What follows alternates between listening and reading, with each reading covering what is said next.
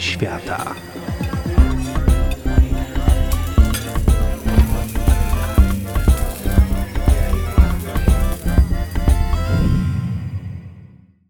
Ola! Dzisiaj jedziemy do Meksyku, a stamtąd do Kalifornii. Będziemy bowiem tropić awokado, owoc, na punkcie którego oszalał świat. Meksyk leży w południowej części Ameryki Północnej i z Kalifornią łączy go Ocean Spokojny i Zatoka Kalifornijska. Mieszka tam 140 milionów ludzi, czyli około 3 razy więcej niż w Polsce. Ale i przestrzeni mają dużo. Powierzchnia Meksyku to prawie 2 miliony kilometrów kwadratowych, czyli 6 razy więcej niż Polska. Meksyk jest krajem głównie górzystym i znajduje się w nim wiele wulkanów. Najwyższym jest wulkan Pico de Orizaba, a najbardziej znanym Popocatépetl. Popocatépetl znajduje się około 70 km od Mexico City, czyli stolicy. Jest bohaterem wielu powieści, opowiadań, dzieł malarskich. Diego Rivera, słynny meksykański malarz i muralista i wielka miłość malarki Fridy Kahlo, uwiecznił go na wielu swoich obrazach. Popocatépetl jest powiązane z drugim wulkanem, Itzasłatl. Historia Popocatépetl i Itzasłatl to aztecki odpowiednik Romeo i Julii.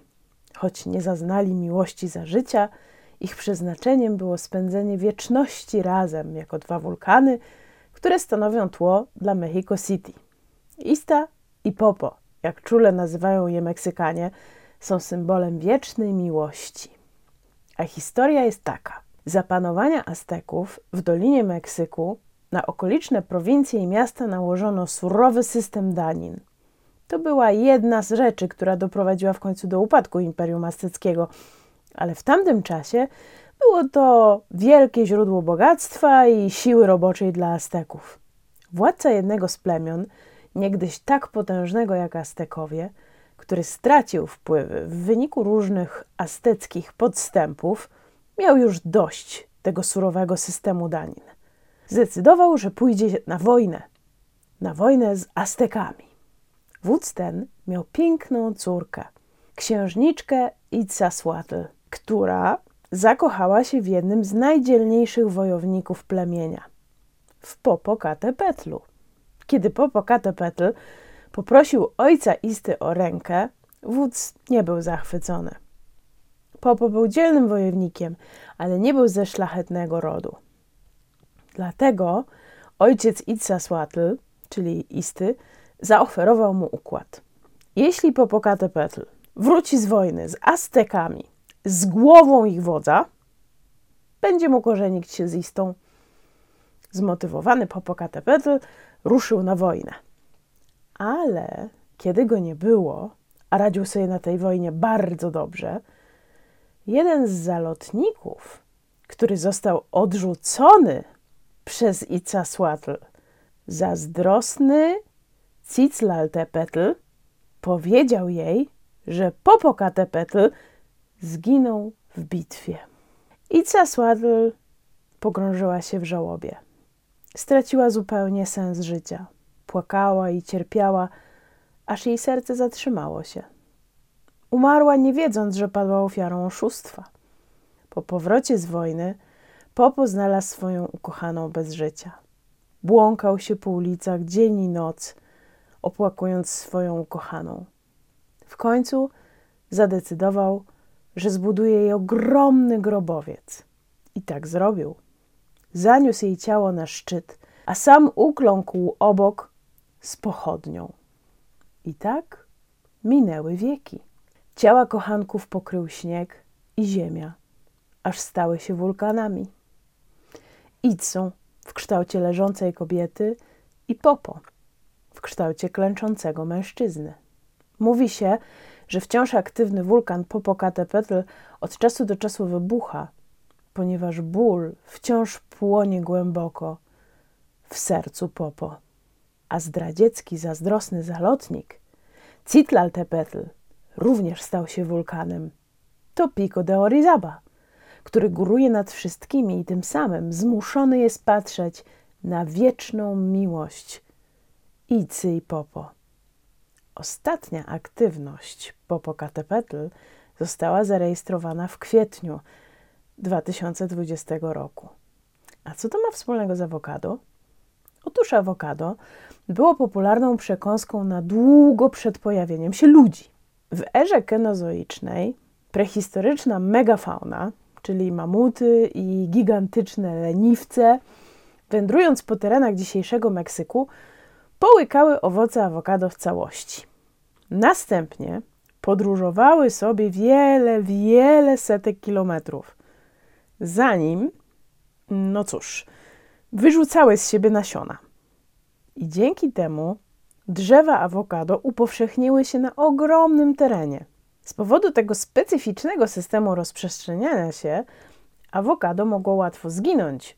W tym samym czasie, kiedy wielkie ssaki, które wymarły około 13 tysięcy lat temu. Na szczęście jednak dało sobie radę. Dzisiaj awokado jest popularne na całym świecie, ale jego sława sięga również wstecz. Około 500 roku przed naszą erą już jedzono awokado w Mezoameryce, czyli w Meksyku i Ameryce Środkowej. Mniej więcej w tym czasie, właśnie w Ameryce Środkowej, było pełno Azteków, którzy mówili językiem nahuatl. Po odkryciu tego pięknego owocu, Aztekowie postanowili nazwać go ahuacatl, co oznacza jądro. Można to nazwać zbiegiem okoliczności albo po prostu pewnym zmysłem obserwacyjnym.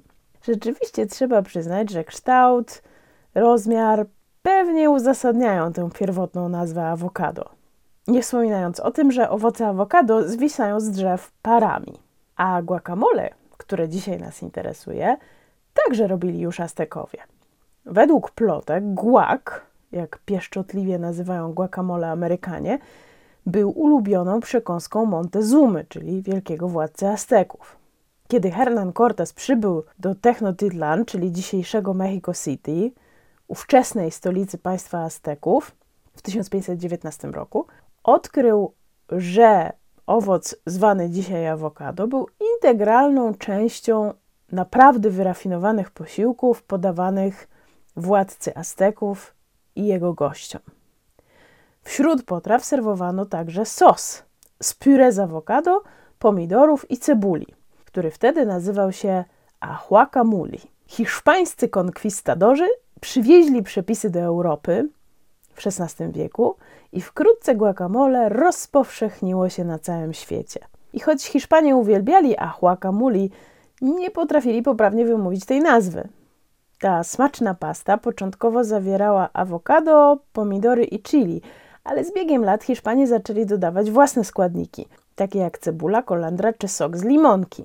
W XVIII wieku awokado było znane jako gruszki aligatora albo masło biedaków. Nazywano je także gruszkami w skorupkach lub po prostu gruszkami hiszpańskimi.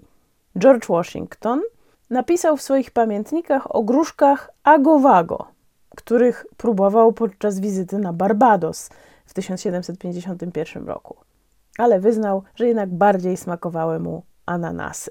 Z czasem bowiem hiszpańska wymowa zmieniła nazwę dania na guacamole, a nazwę owocu na awokado.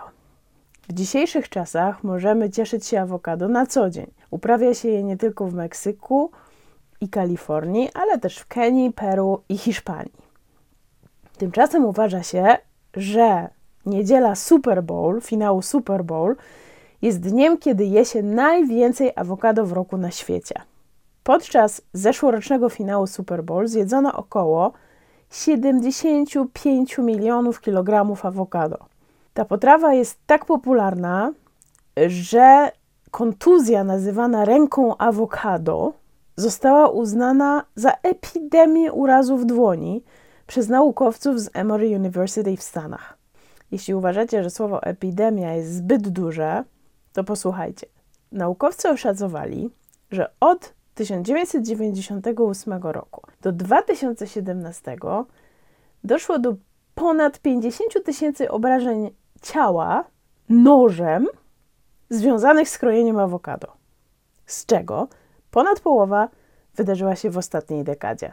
A dane nie obejmują tych osób, które wstydziły się pójść do szpitala z taką poważną kontuzją, ale jednak nabytą w dość niepoważny sposób.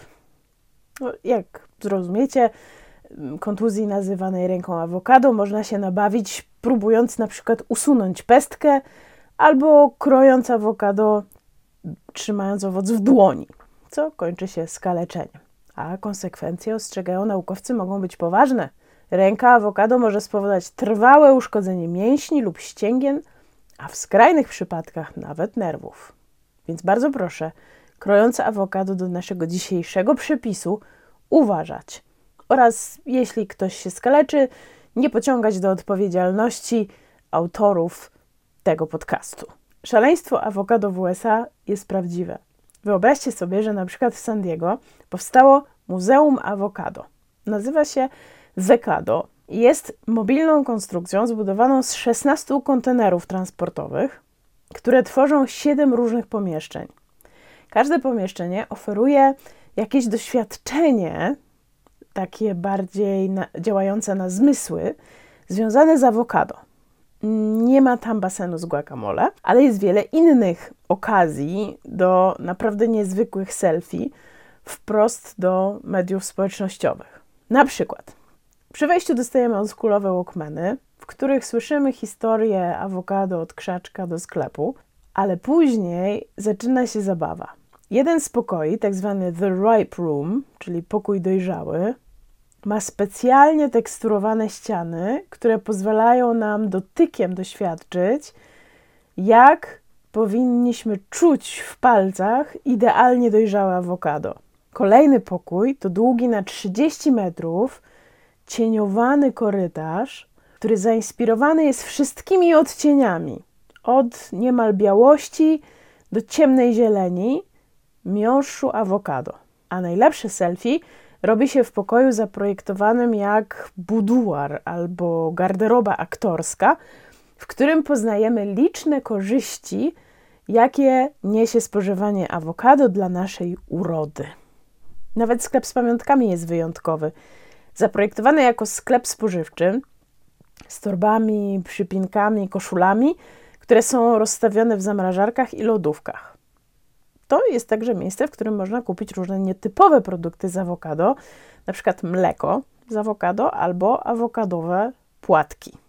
A na zewnątrz, w sadzie czy właściwie gaju awokado, można zamówić i zjeść świeże przekąski z awokado, oczywiście.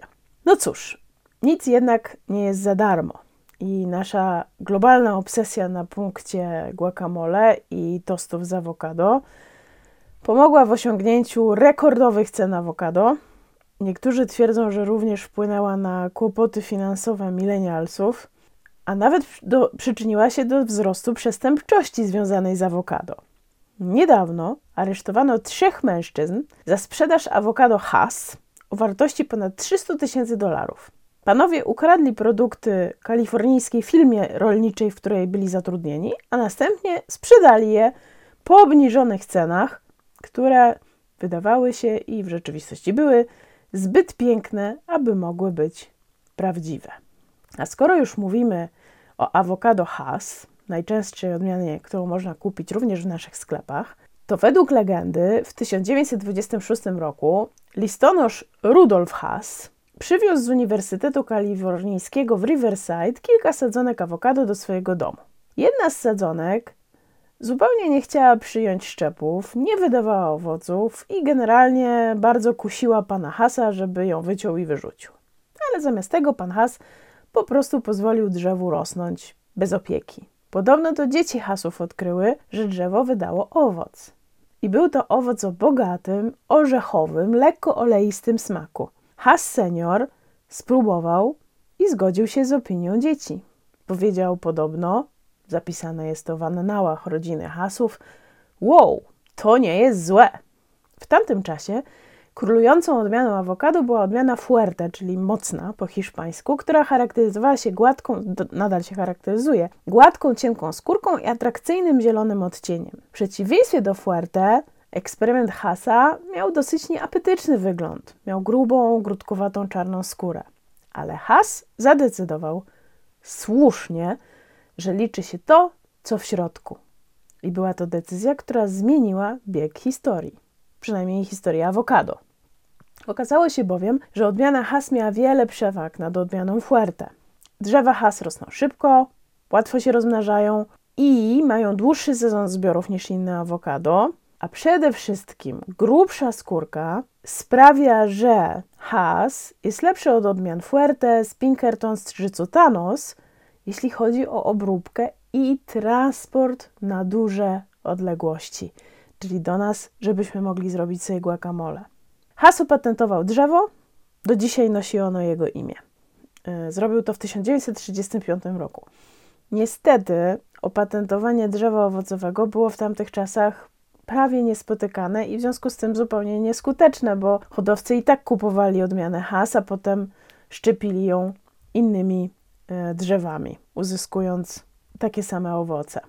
Więc podczas gdy imię Hasa i sława rozprzestrzeniły się razem z drzewem, to jego rodzina nie zarobiła za dużo na tym szaleństwie, które zaczęło się w ich ogrodzie.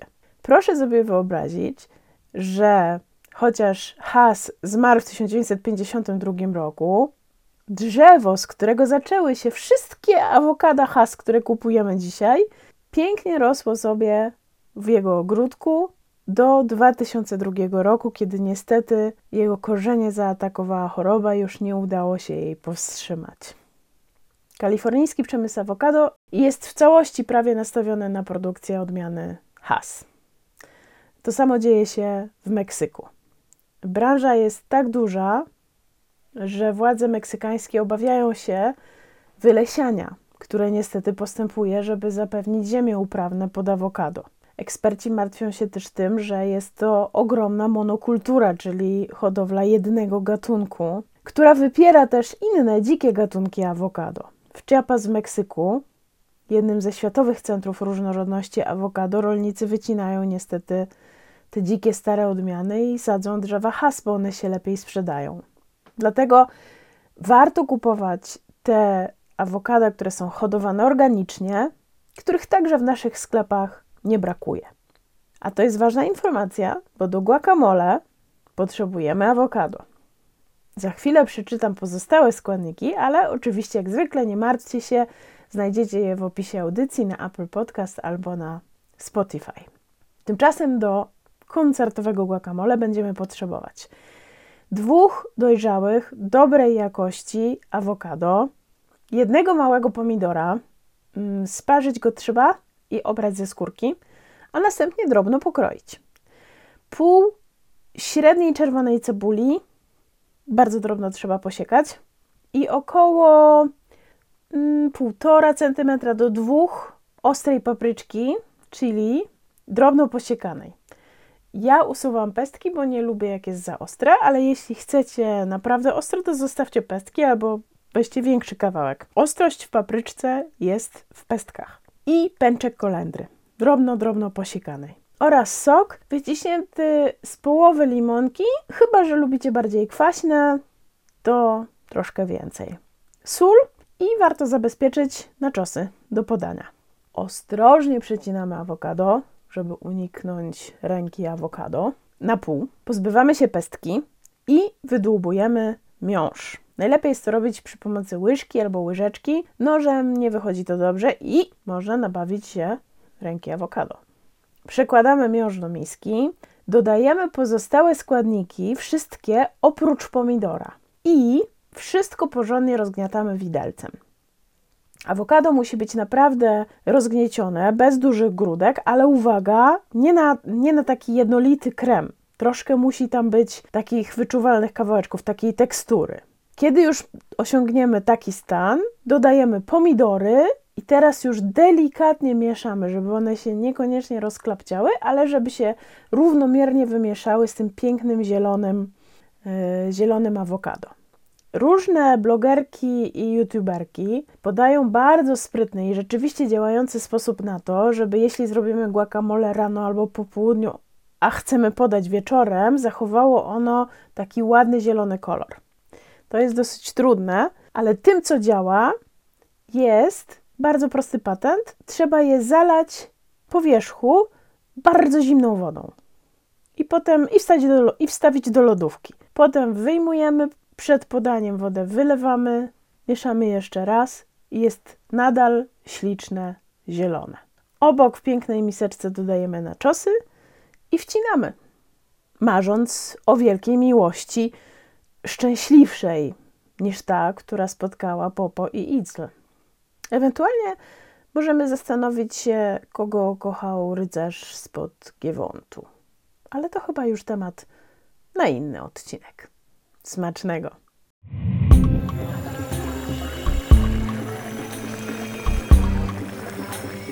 Kuchnie świata.